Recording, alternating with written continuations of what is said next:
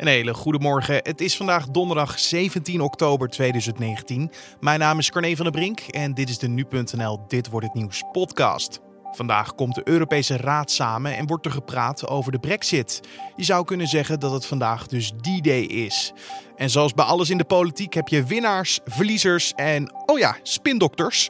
Want iedereen wil ongeacht de uitkomst natuurlijk niet als verliezer in de geschiedenisboeken komen te staan. Ik denk alleen wel dat Boris Johnson, als er nu een deal komt, dit zeker zal spinnen als winst. Want hij heeft gewoon alles op alles gezet om uh, te zeggen 31 oktober gaan we eruit, hoe dan ook. Brexit-expert Vanessa Lamsveld van Eén Vandaag hoorde je alvast. Straks praten we verder met haar over de top.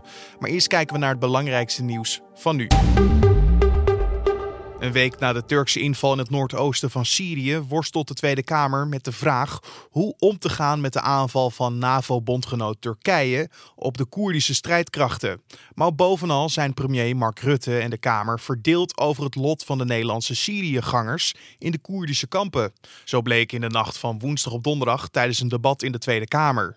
Naast de zorgen die de Kamer heeft over de humanitaire gevolgen van het conflict, vrezen partijen als D66, GroenLinks, PvdA SP dat de beveiliging van de Koerdische gevangeniskampen in Syrië nu onder druk komen te staan.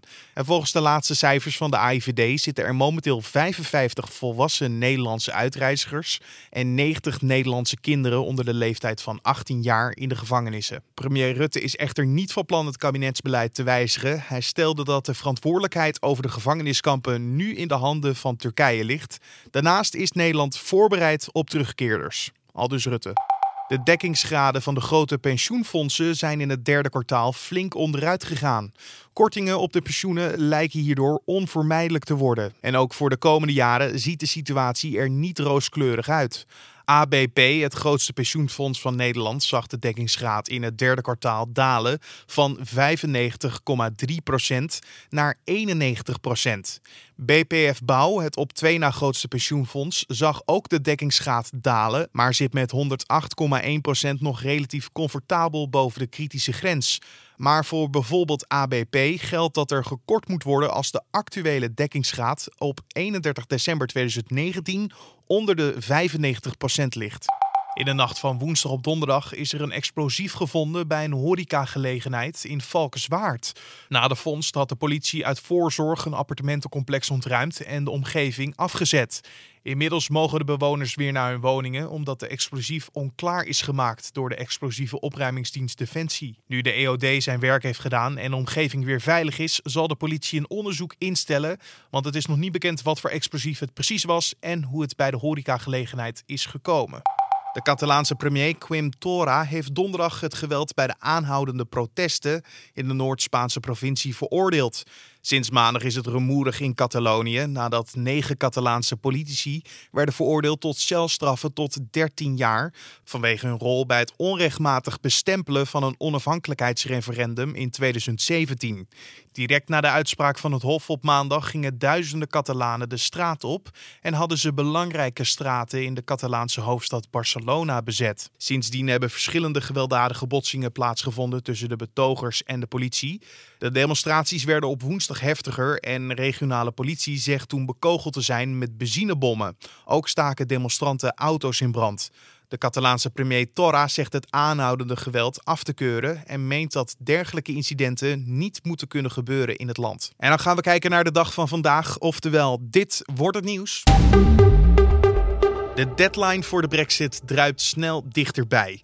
De Europese Raad praat dus vandaag over de scheidingspapieren. En met nog grofweg twee weken te gaan, moeten er dus wel stappen gemaakt worden indien beide partijen tot een akkoord willen komen.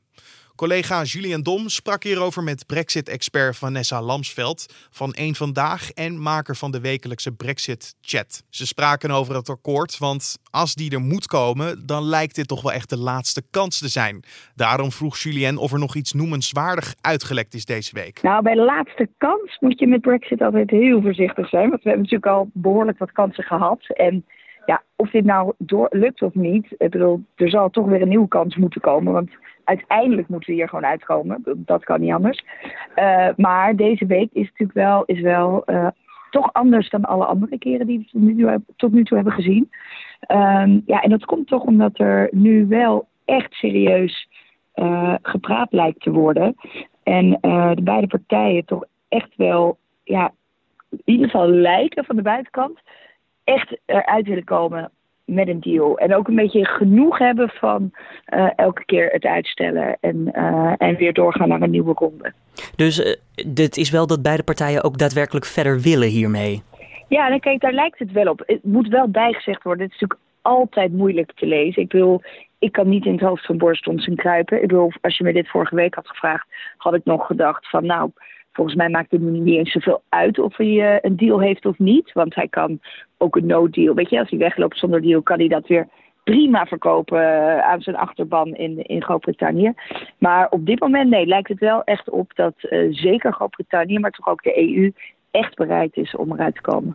Nou, Groot-Brittannië kwam natuurlijk met dat nieuwe verdrag van Boris Johnson. Mm -hmm. Is het sowieso realistisch te noemen dat zo'n verdrag er binnen een maand doorheen komt? Nou, het is wel behoorlijk hard doorwerken voor de mensen in, uh, in, in, in, Brussel en ook aan de andere kant van het kanaal.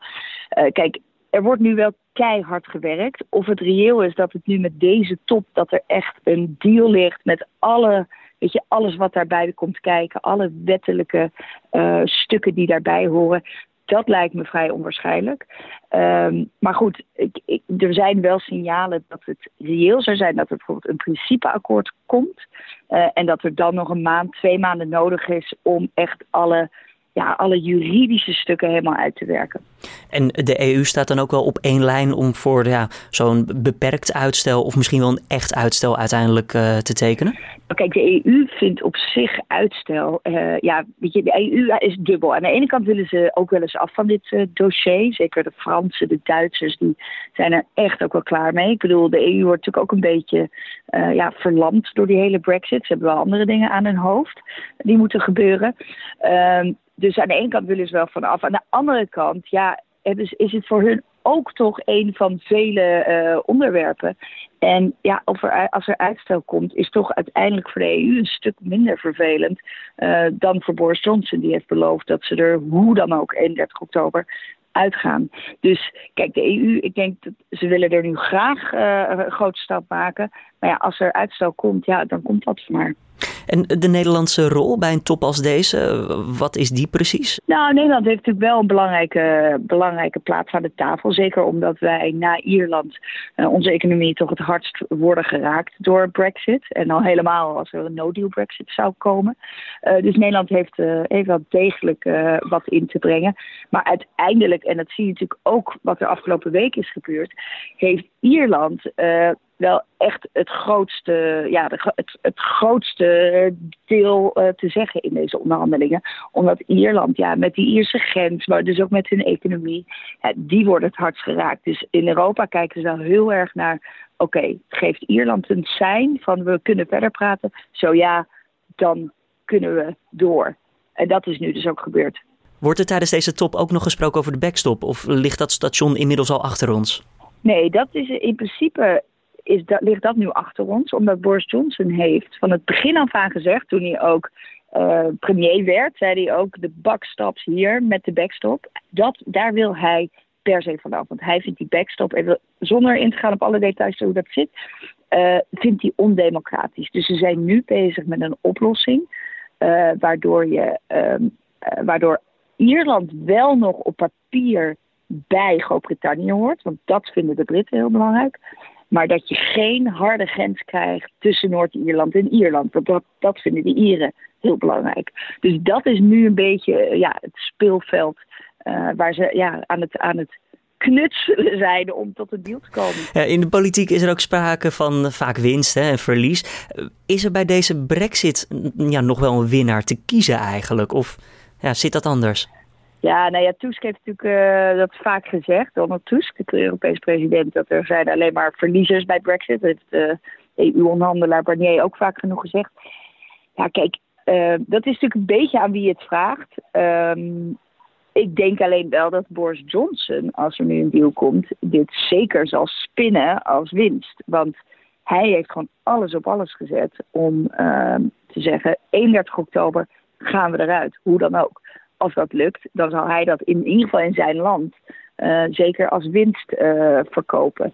Ehm, ja, weet je, kijk, ik denk Brexit, het is natuurlijk zo'n ingewikkeld dossier. De vraag, is dit een goed idee of niet? Daar zijn we al niet meer. Weet je, het is, we zijn deze weg ingeslagen. er moet nu een oplossing komen. Ik denk dat je pas veel later kan zien ja, wie de winnaars, verliezers uh, zijn. En weet je, waar dit goed voor is geweest. Je bent natuurlijk journalist, uh, Vanessa. Jij zal ook ongetwijfeld hebben nagedacht over de verschillende ja, uh, scenario's die voor de hand liggen tijdens de EU-top die plaatsvindt vandaag. Ik heb een ehm, blaadje, ik heb ze allemaal uitgetekend. hoeveel, hoeveel zijn het er volgens jou grofweg? Hoeveel heb je er voorbereid? Ah, nou, ik, heb er, ik, heb er, ik had er vorige week nog vijf. ik focus me nu even op twee. Oké, en in jouw professionele mening, waar denk je dat de meeste kans ligt? Wat ligt het meest voor de hand? Weet je, dat wisselt gewoon op dit moment echt van uur tot uur. Ik denk dat er of een principeakkoord komt op die top, hè, die we uh, vandaag en morgen hebben. En dat ze dan later al die technische details wel zullen uitwerken. Um, ja, of ik denk dat het toch klapt. Um, dus dat er geen deal komt. En dat Boris Johnson dan, uh, ook al wil hij dat absoluut niet, toch om uitstel zal gaan vragen. Omdat hij dat wettelijk verplicht is. Wat het ook wordt uiteindelijk, we nemen het mee op nu.nl en we leggen het voor je uit. Je hoorde Vanessa Lamsveld van Eén Vandaag en maker van de wekelijkse Brexit Chat. En dan nog even een kleine update over de huidige situatie. Want volgens verschillende Britse media, zoals The Guardian, zouden het Verenigd Koninkrijk en de Europese Unie het nagenoeg eens zijn geworden over een nieuw akkoord over de Brexit. De Noord-Ieren zouden nu alleen nog maar roet in het eten kunnen gooien. En in de beschrijving van deze podcast plaats ik een linkje naar het laatste nieuws. En dan kijken we nog even naar de nieuwsagenda voor vandaag. De Tweede Kamer debatteert donderdagavond over het stikstofdossier, dat de laatste weken is uitgegroeid tot een van de prominente politieke thema's. De Kamer gaat in gesprek met de landbouwminister over de kabinetsplannen en mogelijke oplossingen. En een 34-jarige man uit Vlissingen moet voor de rechtbank verschijnen omdat hij ervan verdacht wordt dat hij de afgelopen twee jaar zeker zeven vrouwen op zeer brute wijze heeft verkracht tijdens het daten. De man kwam met zijn slachtoffers in contact via dating sites. De Amerikaanse astronauten Christina Koch en Jessica Meir zullen donderdag de eerste volledig vrouwelijke ruimtewandeling maken. Samen verlaten zij het ISS-ruimtestation om nieuwe batterijen voor het zonne-energiesysteem aan te sluiten. De wandeling zou eigenlijk in maart plaatsvinden, maar voor een van de astronauten bleek er geen passende ruimtekleding te zijn. En dan nog even het weer. Ochtends waait er een zwakke of matige wind en blijft het op de meeste plaatsen droog. In de loop van de dag schijnt op sommige plaatsen de zon en af en toe valt er een bui. Het zuidoosten van het land krijgt met meer bewolking te maken en mogelijk daardoor ook met regen in de middag. En het wordt ongeveer 15 graden en er waait een matige zuidwestenwind. En om af te sluiten nog even dit. Marco Borsato zou tien jaar geleden een relatie hebben gehad met pianiste Iris Hond. Dat meldt Privé vandaag. De zanger en de pianiste geven dat in een verklaring toe. Het weekblad heeft echter informatie dat de geheime verhouding pas dit jaar is beëindigd, maar dat wordt door tweetal ontkend. Volgens privé bevestigen goed ingevoerde bronnen dat het huwelijk tussen Marco en Leontine Borsato de storm heeft weerstaan, maar ook dat aan de verhouding die in 2009 begon pas dit jaar een einde zou zijn gekomen. In een gezamenlijke reactie laten Borsato en Hond weten dat zij inderdaad een verhouding hebben gehad, maar dat dit speelde in de tijd dat Borsato's managementbedrijf, de Entertainment Group, failliet ging. Wat tien jaar geleden hem een enorme financiële strop opleverde. En tot zover de nu.nl Dit wordt het nieuws podcast voor deze donderdag 17 oktober. Je kan ons altijd helpen deze podcast beter te maken door een mailtje naar podcast.nu.nl te sturen met wat feedback. Of je kan je feedback achterlaten in een recensie in iTunes. Mijn naam is Carne van der Brink. Wij zijn er morgenochtend weer om 6 uur ochtends op de voorpagina van nu.nl of in je favoriete podcast app. Dus tot dan en een fijne dag.